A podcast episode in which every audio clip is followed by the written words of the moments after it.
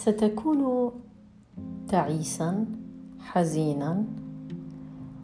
خالي الوفاض في تلك المرحلة من حياتك. ستلعن شمعة في الظلام. ستتساءل لماذا أنا؟ ستتساءل وتقول أهذه نهاية العالم. ستندب حظك على حظ لم يكن مقدر لك. نصيب سعيت للحصول عليه سنوات وسنوات. أردت شراكة حبا صداقة فانقلب السحر على الساحر. الما تعاسة. ومزيدا من الهشاشة. أنت لم تخلق ضعيفا. أنت خلقت لتعيش تجاربا متزنه أحيانا قد نقسو على طرف تركنا.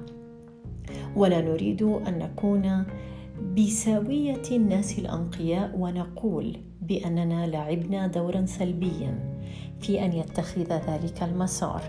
نعم في هذه الحياة هناك تجارب. تجعلنا أنضج. تجعلنا نرى ونفهم أنفسنا أكثر. ولكن تذكر بأن الأشخاص الآخرين لا يخضعون لتقلباتك لرغباتك في الحصول على تجارب إنسانية تجعل منك نموذجا أفضل. ولكنك قد تكون ضحية لعلاقة غير صحية غير متزنة. نعم هذا أمر طبيعي وقد تكون أنت أيضا. سببا يؤسفني أن أقول ذلك. في خلق بيئة غير صحية لإنسان أرادك شريكا. من الجيد ما بين الفينة والأخرى. أن تقف أمام المرآة. أن تمسك الورق والقلم. أن تقرر أين الأمور سارت بهذا الاتجاه. ولماذا اتجهت نحو الهاوية. ولماذا الأمور اتجهت نحو القمة مع هذا الشخص؟